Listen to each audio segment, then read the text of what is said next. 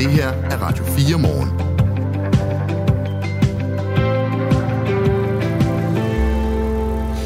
Tilliden til de folkevalgte politikere er bekymrende lav, så lav at Radikale Venstre og fagforeningen Jøf i dag har arrangeret en høring på Christiansborg for at drøfte, hvordan tilliden kan blive større. Og det er altså ikke bare tilliden kun til politikere, det er også tilliden til vores embedsfolk og myndigheder i det hele taget, som er under pres. Og vi har efterlyst nogle sms'er, hvordan har I det med jeres politikere, myndigheder og andre øvrighedspersoner, og vi har fået et par stykker med det. Ja, der er for eksempel øh, Kenneth Fischer skriver, jeg har ingen tillid til politikerne, og hvad værre er, jeg har ingen respekt for dem. Hvis nogen i samfundet begår en fejl, står politikerne kø for at nedsætte kommissioner og indføre nye regler og straffe den skyldige. Men når politikerne fejler, så bliver det fejret ind under gulvtæppet, og det får aldrig konsekvenser, skriver Lytter her. Og ingen skriver skandalesager og ingen, konse- og ingen konsekvenser. Efter de sidste 3-4 år har jeg mistet alt tillid til politikerne. Jeg har altid stemt, men kommer ikke til at stemme mere. De er utroværdige og skalter og valter med loven, som de har lyst til. Så nej tak til at få tilsendt en stemmeseddel, skriver altså Inge. Og Erik fra Frederiksberg skriver med et glimt i øjet. Politikerlede, ingen politiker eller embedsmand burde nogensinde udtale sig inden klokken 9 om morgenen med venlig hilsen Erik fra Frederiksberg. Så vil det være en lille smule svært at lave Radio 4 om morgenen. Så det, vi, det går vi ikke ind for. Men når Erik skriver det, så er det jo blandt andet, tror jeg, fordi vi snakkede med Sara Fergo, som er formand for Jøf, og hun taler om det her med at sætte tempoet ned. Mm. Altså blandt politikere, men også blandt medier. Altså det her med, tag det nu lige lidt roligt. Skal alle kommentere i løbet af 30 sekunder på alting. Jeg tror, det er det, Erik også kommenterer, til, øh, kommenterer på dem. Vi er imod det, for så kunne vi ikke lave Radio 4 morgen. Det er rigtigt, vi er nødt til at have nogle gæster. Vi får også gæster. Vi får besøg et par, af et par politikere, som kan svare på, hvordan de ser den her mistillid til, til blandt andet deres fag, og magten i det hele taget, kan man vel godt sige, at det er den her undersøgelse også afslører. Så får vi også besøg af et par lyttere, som gerne vil fortælle, hvordan, om deres syn på politikere og autoriteter har ændret det seneste års tid. Det er jo 52 procent af de mm. adspurgte, som faktisk føler, at de har mindre tillid til, til folkestyrets øh, øverst placerede, kan man sige, magtfulde personer. Og det er noget, man tager alvorligt. Gudskelov tager vi det. Og vi tager det også alvorligt, så vi spørger. Og den stemme, du lige hørte, den tilhører Mette Vibe Utzon, og jeg hedder Michael Robach, og klokken den er 7 minutter over 7. Godmorgen. Godmorgen. Det her er Radio 4 morgen. Husk, at du kan sende os en sms 1424. Unge skal i fremtiden passe ekstra på, hvis de blander alkohol og bilkørsel, i hvert fald hvis det står til EU-parlamentets transportudvalg. Udvalget foreslår nemlig, at øh, promillegrænsen sænkes fra 0,5 promille, i, som den er i dag, til 0,2 promille for folk med et ny erhvervet kørekort. Og det er altså ikke kun de helt unge, altså de helt unge, der lige har fået kørekort, at de her regler kommer til at gælde for. De skal også gælde for dem, der har et nyerhvervet kørekort, altså hvis man er voksen, og, eller mere voksen og har taget det kørekort, og dem, der har generhvervet deres kørekort. Og det skal altså være i to år af kortholderens første køreperiode, som det hedder. Den nye lovgivning har til hensigt at halvere dødsfald i trafikken øh, i år 2030, men det her det er både uretfærdigt og en forskelsbehandling af især unge, det mener Lasse B. Sørensen, som er landsformand i Venstre. Godmorgen. Venstres Ungdom. Venstres Ungdom. Ja. Jeres landsformand, han hedder vist noget andet. Hvorfor synes du, det her forslag er diskriminerende? Jeg synes, det er... For det første, så synes jeg, det er, det er et underligt forslag, at man, man kun vil sætte den til 0,2. Jeg tror ikke, det, det får den, den ønskede effekt, som, som øh, man lægger op til fra EU. Men så synes jeg, det er en ærgerlig øh, behandling af unge bilister. Jeg synes ikke, det beviser dem tillid øh, til, at, at de sagtens ved, hvordan øh, man skal køre bil. Mm. Men prøv at vi kan være enige om, at alt spritkørsel er fuldstændig forkert, men måske er det bare endnu mere farligt, hvis man drikker og er en meget uerfaren bilist. Giver det ikke ind, ind i den kontekst meget god mening?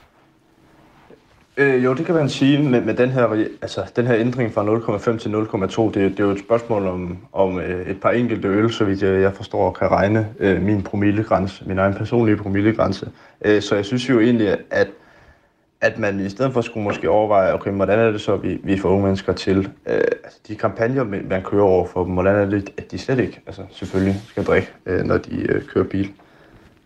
Men nu siger du, eller nu har du sagt to gange, at du synes, det er en underlig grænse. Altså, den findes allerede i Norge og Sverige, der gælder den i øvrigt mm. for alle. Øh, jo, jo.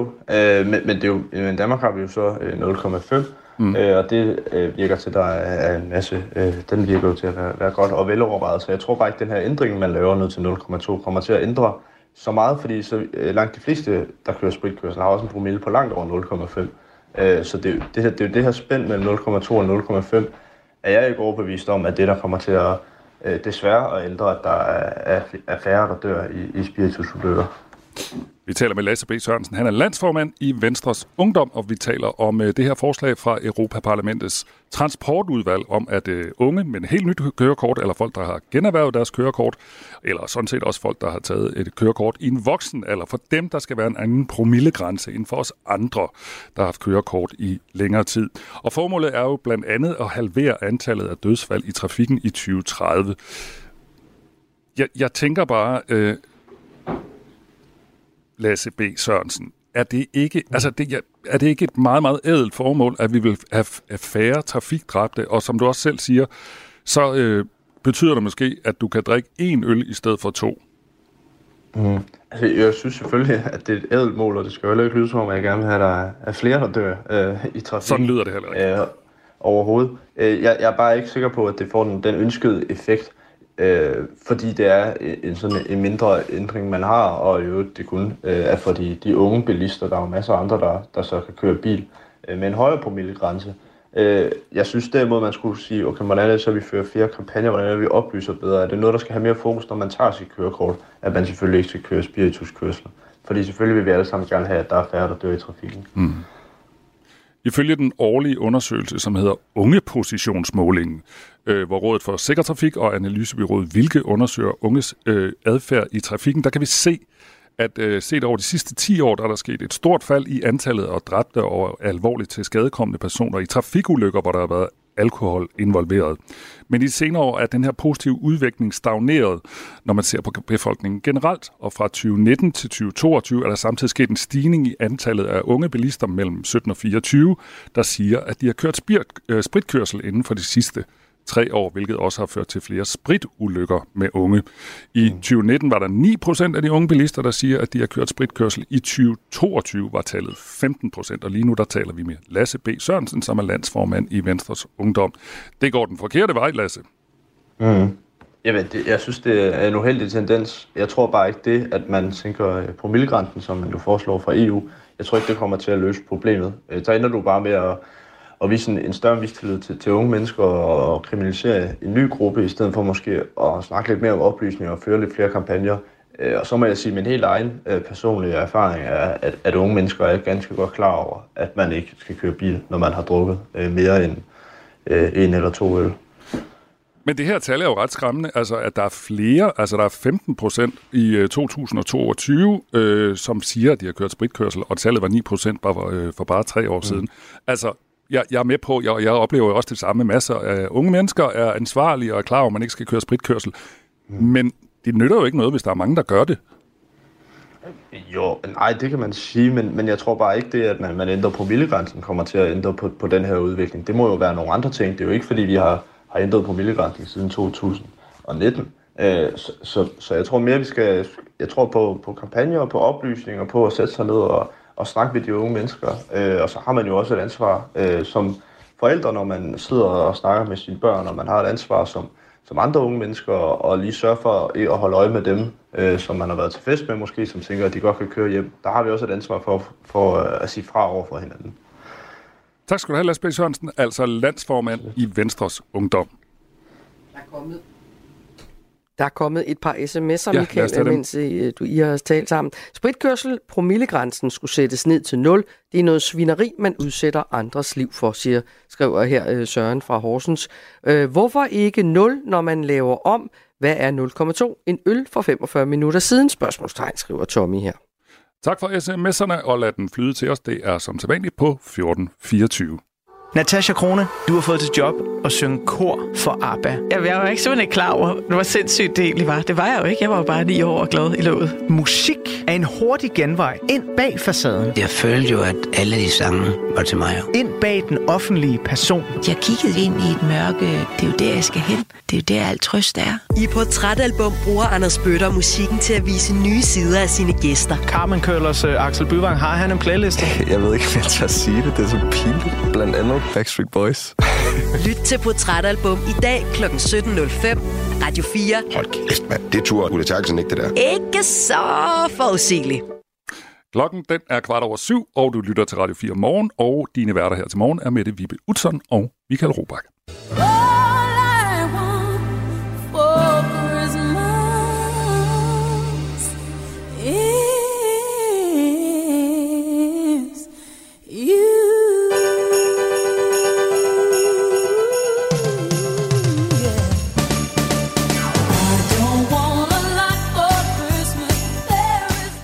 Så bliver der danset i studiet. Det var dejligt at høre lidt musik. Nå, det er godt. Lidt julemusik. Mm, synes Ma- jeg. Det er fredag. Det er fredag. Mariah Carey, hørte vi lige. All I Want for Christmas is You. Og de seneste fire år med det, der har den ligget på toppen af Billboards Hot 100-liste i december. Men lige nu, der er der en anden sang, der indtager førstepladsen, og det drejer sig om Brenda Lees Rockin', Rocking Around the Christmas Tree, der blev udgivet helt tilbage i 1958. Men først i år, altså mange, mange år senere, nu kan jeg ikke lige regne, men mange, mange år senere, der har den her sang fået en officiel musikvideo, og da sangen kom ud, var Brenda Lee bare 13 år. Nu er hun 78, og hun er hoppet på de unges medie, TikTok, og øh, her har sangen altså også fået et liv. Og lad os lige høre, hvordan den lyder. Altså den, der lige nu ligger nummer et, en 78-årig kvinde.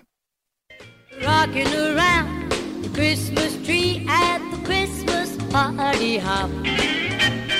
Mistletoe hung where you can see every couple tries to stop. Rocking around the Christmas tree, let the Christmas spirit ring. Later we'll have some pumpkin pie. Førstepladsen med det. Brenda Lee, 78 år gammel. Hun kan blære sig med at være den ældste person, der nogensinde har været øverst på Hot 100 Billboard-listen. Og den, der havde den tidligere øh, aldersrekord, det var Louis Armstrong. 62 år. Hvad er det for en julesang? Nej, det var ikke en julesang. Nå, det, var, det var bare okay. at ligge øverst på... Øh, What a øh, wonderful world, garanteret. Hello Dolly. Nå. Toppede listen i 1964. Og øh, Soundvenue, øh, hvor jeg har læst den her historie, fortæller i øvrigt, at Mar- Mariah Carey's All I Want for Christmas holder selvfølgelig en flot anden plads. Men lige nu, der fører 78-årige Brenda Lee.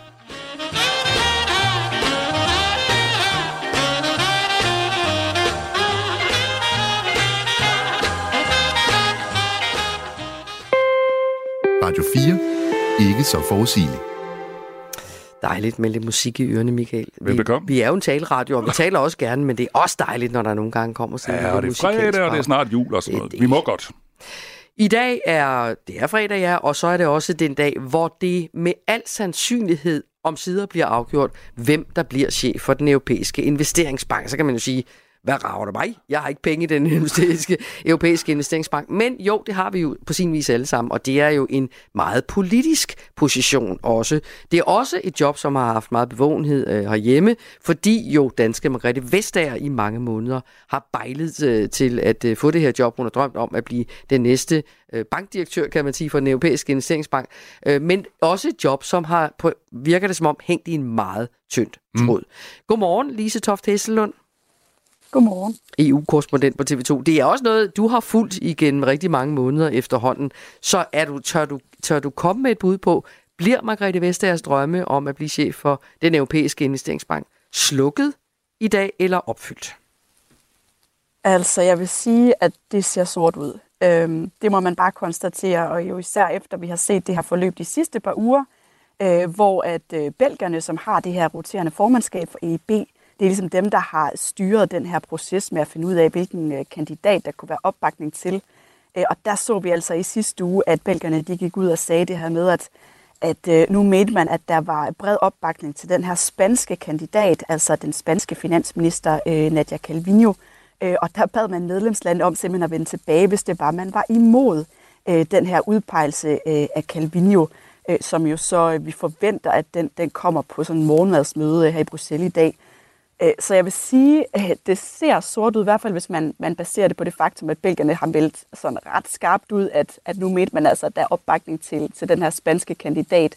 Øh, og det er også lidt det, jeg hører på vandrørene hernede, at selvom man virkelig har, har gjort alt, øh, hvad man kunne jo også fra den side for at presse på, øh, for at Margrethe Vestager, hun skulle ligge lunt i svinget til det her job, så virker det i hvert fald som om, at det er altså den spanske kandidat, som ender med at få den her opbakning til at blive øh, den næste formand.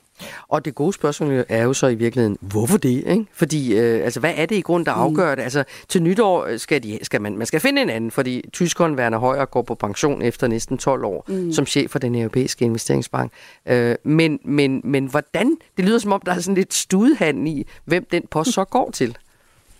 Ja, og det kan man jo også bare sige, det er jo sådan typisk øh, Bruxelles-studehandel, altså det her med at finde ud af, hvem der skal sidde på de her topposter. Og det, det er sådan lidt pudsigt, det er jo, at, at den her toppost, altså det, det her øh, job, altså som formand for EB, det er jo normalt ikke noget, man lægger de store kræfter i, heller ikke fra medlemsstaternes side, fordi at det er jo ikke, øh, hvis for, for at tage en sammenligning, så er det jo ikke det samme som at være formand for kommissionen eller for det europæiske råd. Det, det er ikke det så er folkeligt et, et, et, et embede, vel? Nej. Det er det jo bare ikke. Øh, men der er bare kommet meget mere fokus på det, fordi den her bank, øh, den simpelthen altså spiller en større rolle og har en større betydning.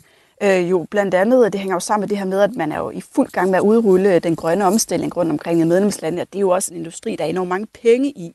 Så det betyder noget lige pludselig, hvem det er, der sidder øh, for brugerenden øh, inde i EB, altså hvem det er, der træffer de beslutninger, og jo blandt andet i forhold til, hvad det er for nogle investeringer, man skal foretage sig i den grønne omstilling. Og der er Danmark jo også bare et af forgangslandene øh, på, på hele det grønne område, og der så man altså rigtig gerne, at Margrethe Vestager, at det var hende, der nu skulle sidde for bordenden her fra nytår, hvor at, at det der den tyske nuværende formand, han, øh, han træder af. Øh, så det er, det er et job, som, som, hvad skal man sige, hvor der er kommet meget mere fokus på, simpelthen fordi, at, at betydningen den er, den simpelthen er, er meget højere, end den var sådan i gamle dage.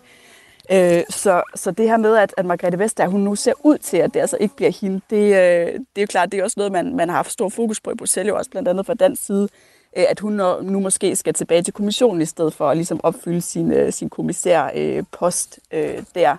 Så altså det her, det her IB-job, det, det er bare noget, man, man holder meget mere øje med, og, og som jeg sagde, altså så, så er det, det er lidt sådan en, en pussy affære jo også, når man har holdt øje med den her øh, studehandel, og de her, jo især de her forhandlinger sådan i kulissen, hvordan man så er nået frem til den spanske kandidat, og det ved jeg, det er noget, man også kigger på i Bruxelles, øh, jo også blandt andet fra den side, øh, hvor man æver sig over, at man altså ikke har kunne lægge mere pres på mm. i forhold til at få øh, Margrethe Vestager ind i den her funktion. Godmorgen lige til øh, Toft Hesselund. Jeg hedder Michael Robach. Jeg sidder på den anden side af skrivebordet og lytter med. Jeg, jeg skal lige spørge om noget. At nu snakker du om studehandler og sådan noget. Handler, handler det her slet ikke om kvalifikationer? Altså, hvem er dygtigst til jobbet? Jo, det gør det selvfølgelig. Øh, og det er jo også der, hvor at, at Calvino, hun, hun bare har vist sig at være en stærk kandidat. Altså, jeg tror, der var mange, der, der dengang i september, da Margrethe Vestager hun tog overlov fra sit job som kommissær, der tror jeg, der, der var rigtig mange, der tænkte, at hun, hun lå lunest øh, i svinget, for, jo også på grund af hendes øh, ballast, altså det, hun har med i bagagen som, som kommissær i snart 10 år på, på konkurrenceområdet osv., men, men der har Calvino altså bare vist sig at være øh, sådan lidt en underdog, som, som sådan har, har skabt sig øh, et momentum, øh, og så har det også bare haft stor betydning, at hun er sådan et kendt ansigt blandt øh, altså de europæiske finansminister. Hun er jo som sagt den spanske finansminister i øjeblikket, og hun kender jo øh, resten af, af banden, kan man sige. Altså de ved jo, hvad de får, øh, de europæiske finansminister, hvis det er, de vælger hende. Øh, og så har det også bare haft stor betydning, at, øh, at, at Olaf Scholz, øh, altså den tyske øh, kansler, at han er gået ud offentligt og sagt, at han støtter op øh, om øh, Calvino. Han er jo selv øh, socialdemokrat, det er Calvino også. Øh, så, så man kan sige, det var ikke den store overraskelse, at han gjorde det, men det betyder rigtig meget, at, at tyskerne går ud og bakker op, fordi hun skal jo som sagt have, øh, det, det er en del af den her formelle proces, at hun skal have opbakning fra minimum øh, 18 øh, af landene, og så skal der altså også være en ballast i forhold til, øh, hvor meget, øh, det er sådan lidt teknisk, men hvor meget kapital øh, de enkelte medlemslande, de ligesom har involveret i den her bank. Så det er så... Tyskland, bakker op om hende, det har altså stor betydning. De, de har en stor stemme, kan man sige, og de har en ja, stor pengetank, og de har masser af indflydelse og magt. Så det lyder jo også, på, sådan som du beskriver det, at dels handler det om, at der er noget national stolthed øh, i at få udpeget en, øh, en person til en post som den her. Dels handler det om, at der er noget indflydelse og magt, som de enkelte lande også gerne vil sikre sig. Og så står de her kandidater måske også for noget lidt forskelligt, sådan hører jeg da også. Ikke? Og det er, jo ikke, jo. det er jo ikke hvad som helst. Det er jo verdens største multilaterale bank. Den er EU's mm. egen bank, der er lånegaranteret stillet af de her 27 medlemslande. Den låner penge ud til store offentlige infrastrukturprojekter, og som du også sagde, den mm. grønne mm. omstilling osv. osv. Det, det er en... De, de fleste af de her penge går til projekter inden for medlemslandene, ikke mindst Spanien, Italien og andre sydeuropæiske lande. Så den har mm. ligesom en betydning, men vil det være afgørende, tror du, Altså den, de beslutninger, der bliver truffet i den her bank, skal vel være på linje med resten af EU, øh, uanset hvem det bliver, uanset om det bliver Margrethe Vestager eller en anden. Jo, det er klart, men, men der ligger bare, altså det er en magtfuld position, fordi det er jo klart, at den, der sidder for øh, inde i IB, er jo med til også at udstikke en retning i forhold til, hvad er det for nogle projekter, øh, I blev jo blandt andet de her store infrastrukturprojekter, hvad er det for nogle projekter, man gerne øh, vil investere i? Øh, og der er det klart, at der har du, det, det er to forskellige kandidater, det må man bare sige. Altså du har jo den mere øh, liberale Vestager mod, mod så den her spanske øh, socialist, øh, og det er klart, at, at der er jo også en politisk rolle, altså det er et, et politisk øh, mandat, man jo på den måde også har som formand for banken, og der er man bare med til at sætte retningen. Så det betyder noget, øh, om det er i det her tilfælde, om det er en spansk socialist, eller om det er en dansk, altså en nordisk... Radikal. Øh, ja, radikal, som Ja. sidder, som sidder øh, for bordenden, ikke også? Øh, og det er jo klart, at det er jo også, det er så også noget af det, der har været en, en smule sådan, øh, kritik af fra nogle lande, som ikke mener, at det skal være en spansk socialist, øh, som sidder ved bordenden, jo også blandt andet fordi, at Spanien faktisk er det land, som får flest øh, lån. Altså det er dem, der modtager flest penge fra den her bank. Og der er der nogle lande, øh, blandt andet de baltiske lande, men også et land som Holland, øh, og nok også Danmark, altså lidt sådan de her mere sådan sparelande, som, som ikke synes, at det var den bedste idé, at det så var en spanier, som, som skulle have øh, det her job. Så der har også været øh, en del kritik af det, og det er også derfor, man kan ikke 100% udelukke, at der måske stadigvæk er en lille bitte chance for, at Margrethe Vestager hun får det her job. Men det ser altså bare ud til, at det er spanske Calvino, som, som nok løber afsted med, med den her post senere i dag. Vi taler med Lise Toft Hesselund, som er EU-korrespondent for TV2. Og tak fordi du var med her, Lise. Margrethe Vestager har de seneste måneder været på overlov fra EU-kommissionen, fordi hun skulle være i spil til det her øh, job. Hvad sker der, hvis hun ikke får jobbet? Jamen, så sker der jo det, og det forventer vi i hvert fald, at hun vil vende tilbage til kommissionen, hvor hun jo netop har været på overlov de sidste tre måneder, ubetalt overlov, simpelthen for at lægge alle kræfter i at forsøge at skaffe sig det her job. Øh, så, så der er det der forventningen, at hun vender tilbage til sit job øh, som konkurrencekommissær og, og jo også ledende næstformand i kommissionen. Øh, Der vil hun så skulle tilbage nu og ligesom samle sit, sit kabinet, som, som lidt er blevet spredt, øh, mens hun har været væk og har skulle, øh, skulle udfylde nogle andre roller. Der skal hun jo så tilbage øh, og simpelthen sætte sig i stolen igen øh, for, i, i de måneder, der nu øh, resterer, fordi at der er jo et valg til Europaparlamentet til juni næste år. Øh, og der ryster man jo posen, så at sige, efter det, hvor, hvor man jo både selvfølgelig får et nyt parlament, men man skal jo også sætte øh, et nyt hold øh, af kommissærer. Så det er klart, at Margrethe Vestager, hun vil jo så skulle tilbage og ligesom udfylde det hul, der har været, og det skal hun jo så gøre, indtil man, man så får sat det hold. Det bliver nok en gang til november næste år. Og det er jo også derfor, at det for Margrethe Vestager er et nederlag, hvis hun ikke får det her job, fordi at det jo havde været, hvad skal man sige, øh, det næste trin på hendes karrierestige, hvis hun kunne sætte sig på, på den her EIB-post. Mm. Øh, så i hvert fald for nuværende, så øh, hvis det er, at hun ikke får det her job, jamen så skal hun nok til at kigge sig om efter, efter en plan B, fordi at der jo ikke er så, så lang tid tilbage i det her mandat øh, for hende i kommissionen. Hun må have gjort sig en masse tanker. Hun har i hvert fald haft tid til at tænke over, hvad hun skal, hvis hun ikke skal være bankdirektør, kan man sige. Ja. Ja. Lise Toft Hesselund, nu er du og vi varmet op til, øh, at der kommer en beslutning i dag. Så det holder vi selvfølgelig alle sammen skarpt øje med. Ikke mindst EU's korrespondent, øh, TV2's EU-korrespondent. Tak skal du have, fordi du var med os. Vær så lidt. Det her er Radio 4 morgen. Hvad skal du have at spise i aften med det? Åh, oh, det ved jeg simpelthen ikke. Nej, jeg ved det heller ikke. Nå, hvorfor spørger du om det? Det er fordi, at noget, der hedder Madkulturen, som er en selvejende videns- og forandringsorganisation under Ministeriet for Fødevare, Landbrug og Fiskeri, Fiskeri, de laver hvert år en undersøgelse af hverdagsmaden i Danmark, hvor mere end 2.000 danskere deltager, og de har blandt andet spurgt til, hvad vi, skal, hvad vi mest spiser til aftensmad. Nå. Top 10, jeg ved ikke, om jeg kan nå det. På 10. pladsen, fisk med tilbehør. På 9. pladsen, bøf med tilbehør. Okay, hakkebøf. Ja, eller andre bøffer. Nå. 8. pladsen, frikadeller med tilbehør. 7. pladsen, retter med pølser. Det er måske noget for dig med.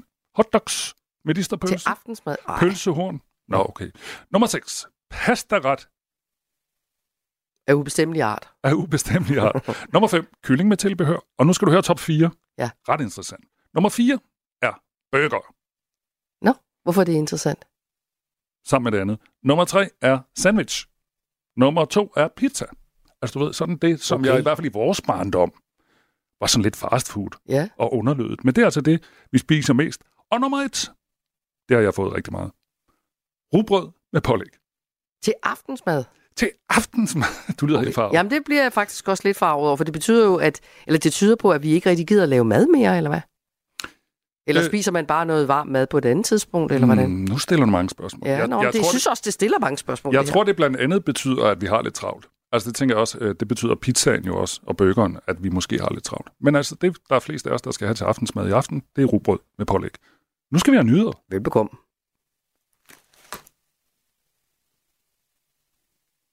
Hvor er, hvor er nyhederne? De kommer her. Ah, der var de. Nyheder på Radio 4. Har du fået kørekort inden for de sidste to år, ja, så skal der gælde en endnu lavere promillegrænse for dig i fremtiden. Det mener i hvert fald Europaparlamentets transportudvalg. Udvalget foreslår nemlig, at promillegrænsen skal sænkes fra 0,5 promille i dag til 0,2 for folk med et nyerhvervet kørekort. Det er meningen, at det skal halvere antallet af dødsfald i trafikken i år 2030.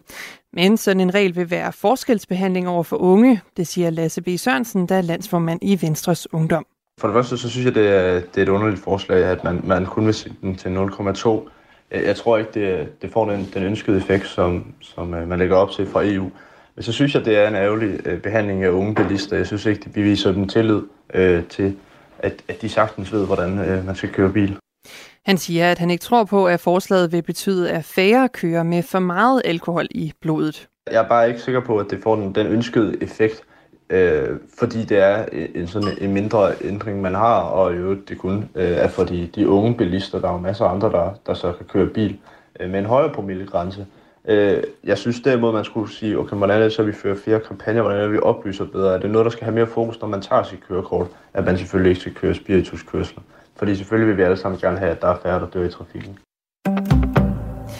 I byerne Rafah og Khan Yunis i det sydlige Gaza har der i nat lyttet høje brag fra eksplosioner, det skriver nyhedsbyrået AP. Det israelske militær fortsætter sin mission om at udrydde Hamas, og det har siden den midlertidige våbenbile sluttede også betydet mange angreb i den sydlige del af Gazastriben. FN advarer om, at der ikke længere er nogen sikre steder at søge hen for de over 2 millioner civile palæstinenser i Gaza. Og vi bliver ved krigen, for Israel kan være på vej til at åbne endnu en grænseovergang ind til Gaza for inspektion af nødhjælp. Vi vil åbne Kerem Shalom kun for inspektion. Det vil ske i løbet af de næste par dage, siger en leder af Kogat, der er en israelsk myndighed med ansvar for koordinering i de palæstinensiske områder. Grænseovergangen, der måske åbner, ligger ved Gazas sydlige grænse til Israel og Ægypten, ikke langt fra grænseovergangen ved Rafah. Det er i øjeblikket den eneste åbne grænseovergang, og hvis der bliver åbnet endnu en grænseovergang for inspektion af lastbilerne med nødhjælp, så vil det gøre det nemmere at få nødhjælp ind i Gaza. Det kan få stor betydning for den amerikanske præsidentvalgkamp, at præsident Joe Bidens søn Hunter Biden er blevet anklaget for skatteunddragelse. Det siger Mads Dahlgaard Madsen, der er USA-analytiker. Hunter Biden er tiltalt for at have været en del af en ordning, der gjorde, at han undgik at betale omkring 1,4 millioner dollars i skat i løbet af fire år. Det oplyser det amerikanske justitsministerium. Og det gør det sværere for kampa- kampagnen imod Donald Trump, at Joe Bidens søn skal for retten, siger Mads Dahlgaard Madsen. Den kommer til at komplicere øh, hele snakken om Donald Trumps retssager, fordi at det gør, at Donald Trump han får meget mere held med at sige, jamen mine retssager, dem som der er imod mig, jamen det, altså, det, det er sådan set ikke så svært, øh, eller det er lidt underligt, at I anklager mig for alle mulige mærkelige ting, når jeres egen, egne folk hele tiden løber ud og ind af forskellige domstole. Så, så den her, den kommer til at komplicere hele øh, valgkampen og hele argumentet for øh, mod Donald Trump igennem 2024, fordi der er en, der hedder Biden, der også kommer til at gå ud og ind af en retssal. Det bliver overskyet og først mest tørt vejr. Senere kommer der dog våd sne, slud og regn og temperaturer mellem frysepunktet og 3 graders varme. Det er jo nyheden her på Radio 4. Det her er Radio 4 morgen. Husk, at du kan sende os en sms på 1424. Her til morgen der taler vi om politikerlede og øh, manglende tiltro til autoriteter, embedsfolk og andre med magt. Over halvdelen af borgerne har mindre tillid til folkestyret, end de havde bare for et år siden. Det viser en måling fra november foretaget af Voxmeter for Ritzau. Og folkestyret, det er jo blandt andet, blandt andet de politikere, vi selv har været med til at vælge, og tilliden til politikerne har været faldende i flere år, det forklarer Michael Bang-Petersen, der er professor i politisk adfærd ved Aarhus Universitet. det vi kan se øh, i den forskning, der findes, det er, at befolkningens tillid til det politiske system, den har været faldende siden år 2007. Hvorfor falder tilliden så til autoriteterne, og hvad gør vi ved det? Det skal en række politikere og eksperter diskutere på en høring, i en høring øh, på Christiansborg i dag. Det er juristernes fagforening Djøf og Radikale Venstre, som sammen har inviteret til den her debat. Og alle er sådan set velkomne på tilskuerrækkerne, men de skeptiske borgere, som det hele handler om, de mangler måske lidt i panelet, synes vi her i Radio 4 Morgen. Så det forsøger vi at gøre noget ved nu. Vi har inviteret et par lyttere til at give deres syn på respekt og tillid til politikere, og et par politikere til at forholde sig til det, de siger, og øh, alle I andre, der lytter med, er rigtig hjertelig velkommen til også at skrive ind på sms'en om, hvordan I har det. Men velkommen til den her rundbords, radiofoniske rundbordssamtale, kunne man næsten kalde det. Velkommen Michael Weiss. Jo, tak. 35 år, bor i Odense og sælger forsikringer, og en af lytterne. Også velkommen til endnu en lytter, Dorte Fonnesbæk Wulf. Tak skal du have. Godmorgen, 57 år, Godmorgen. bor i Kalumborg og antropolog og landmand. Og så også lige hurtigt velkommen til de to politikere, som gerne vil, øh, vil forsøge at svare på noget af det, vi stiller spørgsmålstegn ved. Jeppe Sø. Ja, godmorgen. Godmorgen. Udenrigsordfører ved Moderaterne for Moderaterne, og også velkommen og godmorgen. Christian Bøsted. Jo tak, og godmorgen. Godmorgen, fiskeriordfører for Danmarksdemokraterne. Så nu har jeg præsenteret øh, alle mand rundt om øh, det veldækkede bord, havde jeg sagt. Lad os begynde hos dig, Michael Weiss. En undersøgelse viser, som Michael også lige sagde, at over halvdelen af borgerne har mindre tillid til samfundets bærende institutioner, øh, og det er mere, end, end det var for bare et år siden. Er du blandt de 52 procent, som i dag har mindre tillid til for eksempel politikerne, end du har haft tidligere? Ja, det, det er jeg nok. Øh, Jeg vil ikke sige, at jeg har decideret politikerlede, men, men, men jeg er væsentligt mere skeptisk, end, end jeg har været tidligere, vil jeg mene. Hvorfor? Jamen, jeg tror især, det er fordi, der er så meget, øh, hvad skal man sige, uld i munden på mange af, af politikerne. Jeg synes ikke, der er særlig mange, der, der siger tingene, som, øh, altså, som de tænker dem, havde jeg nær sagt. Altså, der er for meget, der går for meget spin, for meget kommunikation, øh, hvad, hvad man har fået at vide af sin kommunikationsrådgiver i den.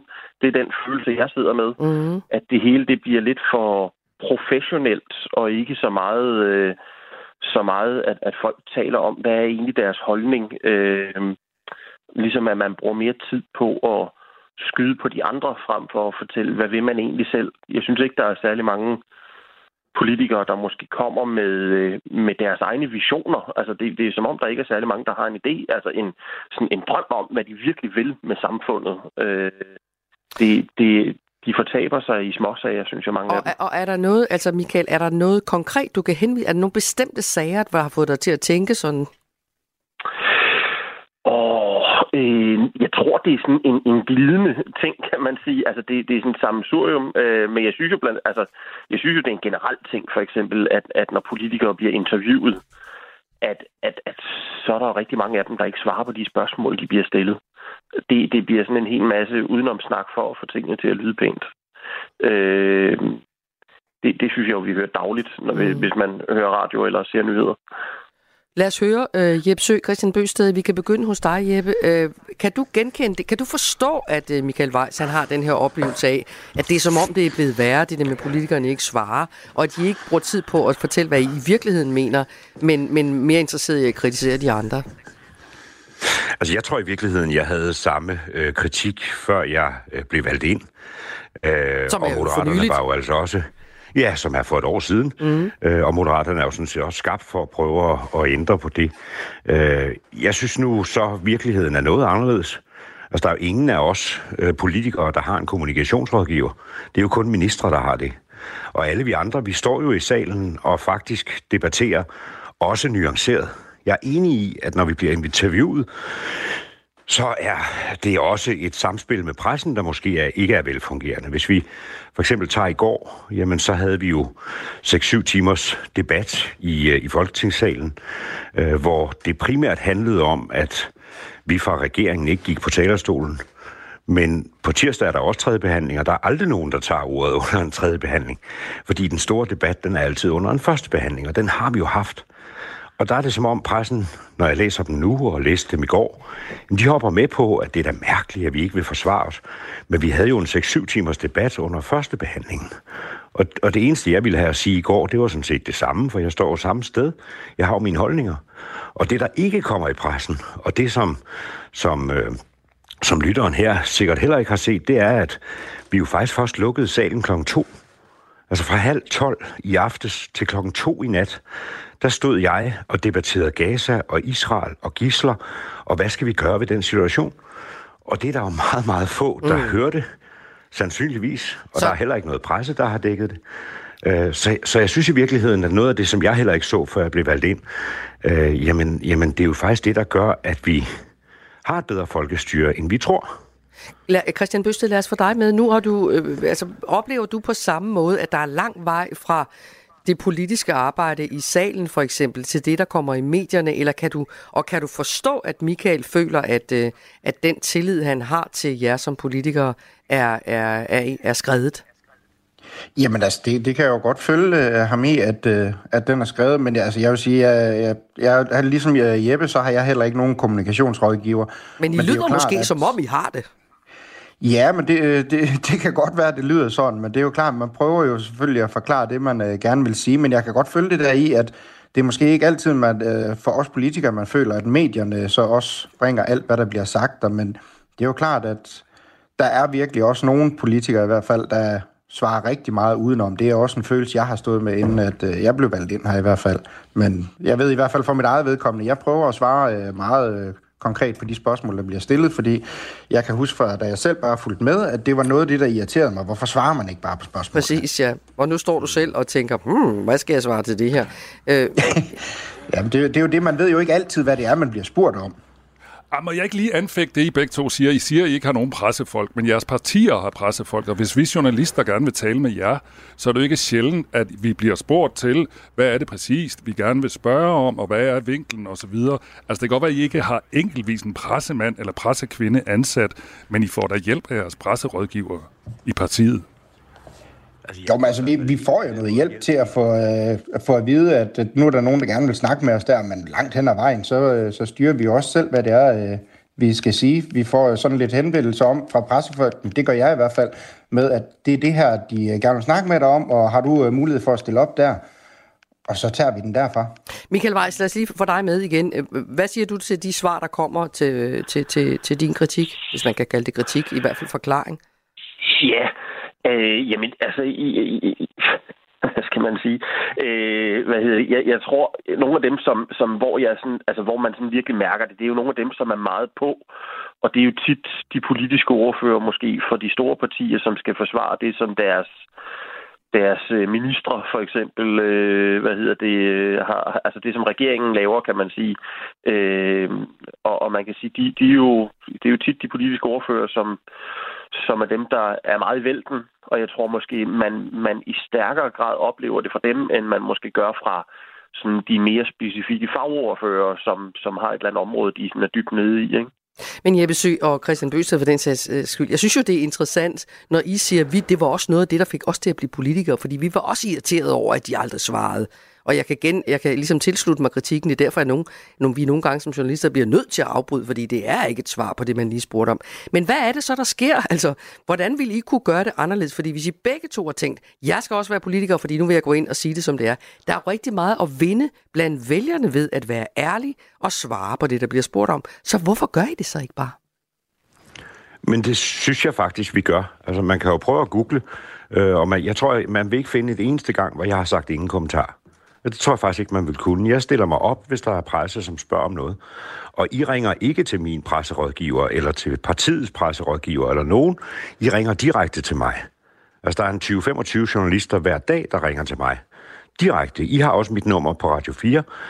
Og for det meste, så taler jeg med Laura. Og Laura, hun skriver til mig, om jeg kan være med Ja. øh, lige om lidt. Ja. Så du Og synes, jeg dig, du stiller op, og så svarer jeg. Ja, ja. Ja, det synes jeg i høj grad, jeg gør, men jeg er så meget tit overrasket over, hvad der så kommer med i udsendelsen. Det må jeg sige. Nu er vi live, Ikke så meget så på, alt, på Radio siger. 4, for det er jo Nej. live. Mhm. Mm-hmm. Jamen, det er også det, det er min pointe lige nu. Ja. Øh, men, men med al respekt for Radio 4, og den har jeg, øh, så er det jo nok Ekstrabladet og BT og mange andre, som, som jo også er øh, altså som er dem, som folk læser, det kan vi jo desværre se, at, at det er der, den ligger. Men, men må jeg spørge og, øh, og der synes jeg simpelthen, vi bliver fejlciteret. Men altså, Jeppe Sø, øh, udenrigsordfører for Moderaterne og Christian... Fordi vi skal også lade være med at lade det handle om pressen altid. Det er altid der, vi ender, ikke? Altså lad os prøve at se, om ikke vi kan få det til at handle om, om borgerne. Altså, det er et samspil, selvfølgelig er det det. Men ja. Jeppe Sø, udenrigsordfører ved Moderaterne, og Christian Spø, øh, Bøsted, fiskeriordfører for Danmarksdemokraterne. Altså, er det, handler det også om, må jeg så spørge også på lytternes vegne, at det kræver mod at sige, hvad man mener? Jamen, det, det, det vil sige, det, det gør det jo selvfølgelig, fordi man skal jo stå ved sin holdning. Men jeg vil sige, jeg prioriterer meget at prøve at svare kort og konkret på spørgsmålene, der kommer. Fordi jeg har lidt den oplevelse, at hvis så der er en, der får et spørgsmål, og man så står og snakker i 10 minutter om det samme på forskellige måder, men man egentlig kunne have afleveret sit budskab på, lad os sige, halvanden minut, jamen, så er det det, man skal gøre, fordi de fleste, de står af efter to minutter, hvor det er en gang udenomsnak, så gider man ikke høre det. Så synes jeg, det er bedre at komme med sine øh, pointer, og så ikke øh, snakke i øh, så lang tid om det. Det er noget, jeg prøver at prioritere meget i hvert fald, at gøre på den måde. Vi taler om politikerleder, det gør vi blandt andet, fordi at der i dag skal være en høring, som øh, Radikale Venstre og øh, Djøf har arrangeret. Og øh, vi har to politikere med, men vi har også to lyttere med. Og øh, nu talte vi før med Michael, nu skal vi hilse på Dorte Fondensbæk Wulf, som er 57 år og bor i Kalundborg, og er den lidt særlige blanding af at være antropolog og landmand. Dorte, hvordan har du det med politikere? Øh, jamen altså, jeg anerkender, at de lægger et stort arbejde i det, de gør.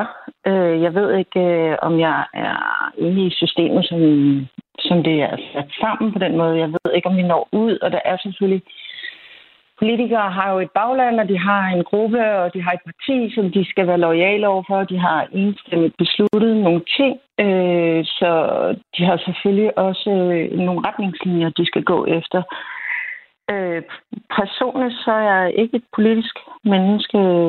Jeg tror på nogle andre ting, og det er ikke, fordi jeg er super spirituel, men jeg, jeg har bare ligesom mistet gejsten øh, for den samfundsdebat, der er omkring politik, politik og politik, politikere. Hvorfor? Jamen, øh, jeg tror, der har været nogle øh, situationer, hvor jeg har tænkt, at det her det er simpelthen for... Det virker korrupt, det virker ikke lojalt over for befolkningen, det virker underligt. Altså, der har været... Ja, men der har bare været nogle politiske sager, hvor jeg tænkte, at der er et eller andet her, der ikke stemmer overens med den logik, som jeg synes, der burde være. Altså, der er nogle sager, der skulle være ført til bords. Øh, hvis vi tager Jacob Ellemann for eksempel, så synes jeg, at han blev dømt, øh, inden han overhovedet fik lov at forsvare sig. Øh, jeg synes øh, måske Mette Frederiksen med Mink-sagen, hun forsvandt lidt i dybet, og det blev aldrig rigtig fuldt til dør. Så det gjorde jeg ligesom til, jeg, jeg tror ikke, det er en verden for mig. Det der, jeg er helt med på lovgivning, og jeg opfører mig ordentligt, og opfører mig, som jeg skal. Men jeg synes bare ikke, at politik øh, gør noget for mig. Øh, så ja, Du, så har jeg meldt mig du lidt ud. stået lidt af. Øh, ja, Ja. Du, men, ja. Og det, det, den følelse tror jeg simpelthen ikke, at du er alene med. Jeg tror, der er mange, der Nej. føler, at hold da op, det ved jeg ikke, om jeg har lyst til at være en del af det der. Jeppe Sø, Christian Bøsted, kan I sætte jer ind i den her følelse? Ja, det, det, det kan jeg godt. Og jeg tror i virkeligheden, fordi jeg kunne, jeg kunne godt have lyst til at spørge Dorte om helt konkret, jamen hvad er det for nogle sager, der for eksempel har gjort det? Øh, Fordi hvis man har sådan en grundfornemmelse af, at det virker som om et eller andet er sket, så er den fornemmelse jo kommet et eller andet sted fra. Så det lad os lige- ikke at være rigtigt. Lad os lige tage Dorte med. Hvad, prøv lige at være lidt konkret, Dorte. Øh, ja, men jeg kan sige, sådan rent personligt, så har jeg, jeg er landmand, og jeg har noget øh, jord, og det gik lige pludselig op for mig, at på den her jord, der var lagt et, øh, et højhastighedstog. Og øh, det kunne jeg se, det var bare en politisk beslutning, der var taget, og jeg blev aldrig informeret om det. Altså jeg mener, øh, e-boks og så videre, det burde ligesom være i sving. Og så øh, er jeg jo gået ind i den sag og prøver på at kæmpe lidt for, at man ikke bare kan lave et højhastighedstog, når det ikke giver nogen mening, fordi Danmark er for lille til det, det er i forbindelse med Kattegat-forbindelsen. Øhm, og så synes jeg helt klart, øh, sagen med Mette, Mink-sagen, det var den, jeg tror faktisk, det var der, mit nedslag var. Hvor jeg ligesom tænkte, hvorfor bliver den her ikke fuldt til dørs? Øh, det virkede ulden, det virkede som om, der var noget fordækt. Og der, der tror jeg bare, jeg havde sparet op, og det var der, hvor jeg tænkte, okay, nu, nu, nu må jeg videre. Altså nu må jeg leve et andet, et andet liv, og ligesom være, være i verden på en anden måde. Jeppe Sø, nu blev øh, Dorte lidt konkret. Altså, der var både sådan en meget personlig sag, men også Mink-sagen. Ja.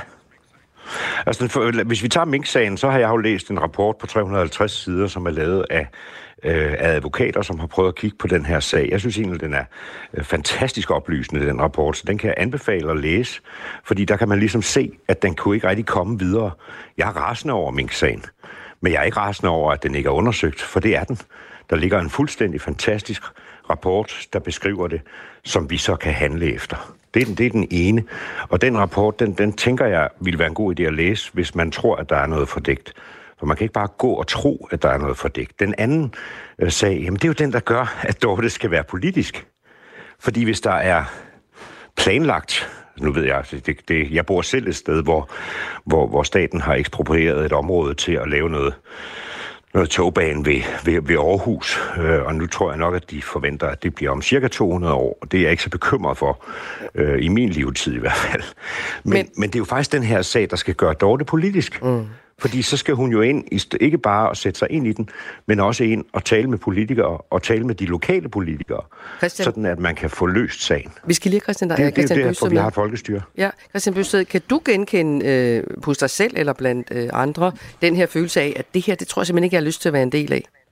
Jamen, det, det kan jeg virkelig godt, og jeg kan godt forstå, at man sidder og føler sig skuffet, og det er jo ikke, det er jo ikke kun mink det drejer sig om det her. Altså, vi har jo set øh, siden øh, før valget, at så er der, står, har vi nogle politikere, der står og siger én ting, og siger, det vil vi have undersøgt, og det kommer vi aldrig til at gøre. Så snart det så dufter lidt af en ministerbil, så kunne de lokkes med. Ikke? Altså, det, det er jo klart, at der så sidder folk rundt omkring i, det, i landet og siger, hvad er der foregår derovre? Altså, så sent som i går, øh, sad vi nede i salen og diskuterede FE-sagen, hvor det lige pludselig Nå, jamen det behøves vi ikke at lægge ud i en helt stor undersøgelse der. Altså det, jeg kan godt forstå, at der sidder borgere og bliver frustreret over det her, og siger, hvad foregår der derinde? Det, det hører ingen steder hjemme. Man er nødt til at stå ved det, man har sagt hele tiden, i stedet for bare at ændre sin mening, fordi det lugter lidt af en ministerbil, man kan få. Øh, lad os lige på en, øh, en stemme mere med, fordi vi var på gaden i går og spørger folk rundt omkring i, i Aarhus, hvor vi jo er, er, har, har hjemme, havde jeg sagt, sender fra. Øh, og der mødte vi Vibeke Olsen, Olesen, hedder hun, som også siger noget om tillid eller mangel på samme til politikerne. Prøv en gang at lytte med. Jeg synes, at de øh, er så hurtige ude. Øh, de kommer med så mange løfter, men går meget efter hurtige løsninger og er, er så bange for deres sæder derinde, så de tør ikke tage nogen upopulære beslutninger. Hvad skulle der til for, at øh, din tillid blev højere? Øhm, at de holder det, de lover, og at de prøver at tænke mere langsigtet ind, ind på vælger og at de faktisk gik foran med et godt eksempel i forhold til forbrug og pensioner og sådan nogle ting. Ja, lad os tage dig, Christian Bøsted, for du talte lidt om det øh, nøjagtigt det her for lidt siden. Øh, i skal tænke mere langsigtet, I skal ikke være så bange for jeres egen position osv. Kan du genkende det?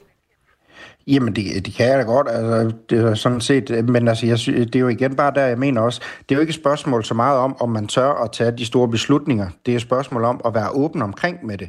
Altså man kan sige, for eksempel med Stor Bededag, vi mistede her, der var ingen, der havde hørt om det, før det lige pludselig bare kom igennem på den måde. Så mener jeg jo, at med sådan nogle store beslutninger der, jeg synes, det er fint, man står ved det, men så synes jeg også, man skal lægge det ud, sådan at man rent faktisk ved noget om det, og borgerne har mulighed for at tage stilling til det.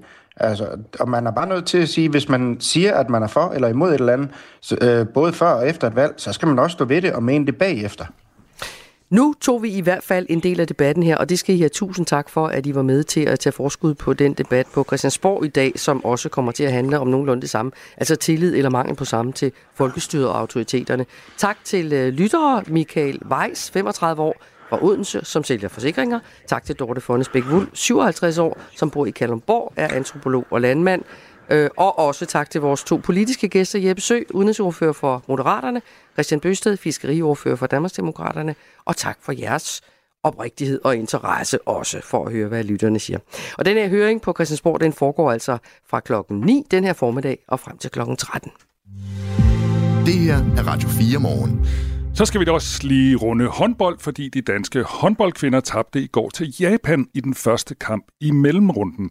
Der stod 12-12 ved pausen, men halvvejs ind i anden halvleg, der trak japanerne fra og førte med fire. Danskerne kom tilbage og formåede at reducere til 26-27 i de sidste sekunder, øh, sekunder, men det lykkedes dog ikke at fuldende comebacket. Susanne Witt Sørensen øh, har været med os et par gange i den her uge. Kæmpe håndboldfan og følger det danske hold tæt. Godmorgen, Susanne. Godmorgen. Nå, så tabte vi. Hvad siger du til det? Ja, det var sgu lidt skuffende, må jeg indrømme. Øhm, jeg havde forventet, at øh, vi ville være bedre med. Øh, men vi tog for mange øh, dumme beslutninger. Vi brændte for mange chancer. Øh, målmændene kom ikke rigtig i gang. Øh, og så var de bare øh, meget, meget velspillende øh, japanerne øh, og hurtige. Jeg synes, jeg talte med dig tidligere på ugen. Jeg synes, du sagde, at vi fik øh, guldmedaljer. Tror du stadig på det? Ja, ja, det gør jeg. Hvorfor det? Det jo kun én kamp. Nå, okay. Øh, det er, er, hvad hedder det, jeg tror øh, stadigvæk på, at de andre øh, hold i turneringen, som vi skal møde nu her i mellemrunden, ligger bedre til os, end japanerne gør. Japanerne er, spiller på en helt anden måde end de europæiske hold, og hvad vi er vant til. Øhm, så jeg, jeg tror, at øh, de skal nok komme igen. Så Jeg, du- jeg tror på det stadigvæk. Du sidder stadig med klappepølserne klar. Ja, det gør jeg. Nå, det er godt, der stadig er en fan. Tak skal du have, Susanne. Jamen, velbekomme. Nu kan vi også sige godmorgen til Johnny Volchek Kokborg, øh, som er journalist og håndboldkommentator ved BT. Godmorgen. Godmorgen. Deler du Susannes øh, analyse af, at det var bare ikke så godt? Nej, altså jeg vil nok også skrue lidt op for det, fordi det var det var et decideret øh, chok og en sensation og en, og en kæmpe overraskelse. Altså, japanerne var spået på, på procent chance i en kamp mod Danmark, som Altså, hvis man spillede 100 kroner på danskerne, så fik man 2 kroner tilbage, så, så det var en ret dårlig investering at spille på Danmark, hvilket så også viser at holde stik. Men altså, det var, det var en, en kæmpe overraskelse. Og jeg er måske ikke, øh, jeg er måske ikke lige så optimistisk som, som Susanne i forhold til den videre færd, fordi det var mere øh, måden, der skete på, der, der var ret bekymrende. Og hvad, hvad, hvad, hvad var måden, det skete på? Altså, hvad gik galt? Jamen altså, danskerne kom jo ind frem til mange chancer, altså de, men de, de brændte, jeg tror, jeg talte 11 til 12 øh, afslutninger, altså på, på altså frie afslutninger, hvor at man oftest øh, altså gerne skulle score, og det, det tænker jeg på fløjen, at, hvor man altså skød den japanske keeper øh, brandvarm. Men det var også mere, alle kan jo brænde et skud, og det var også en del af sport og så videre, men det var lidt mere sådan et udtryk for sådan et mentalt øh, kollektivt kollaps, som godt kunne øh, bekymre mig lidt i forhold til, at vi går videre, eller at de, de går videre ind til de, de næste kampe. Altså, jeg tror, jeg tror stadig på, at Danmark nok skal gå videre for mellemrunden. De møder Polen lørdag og Tyskland mandag.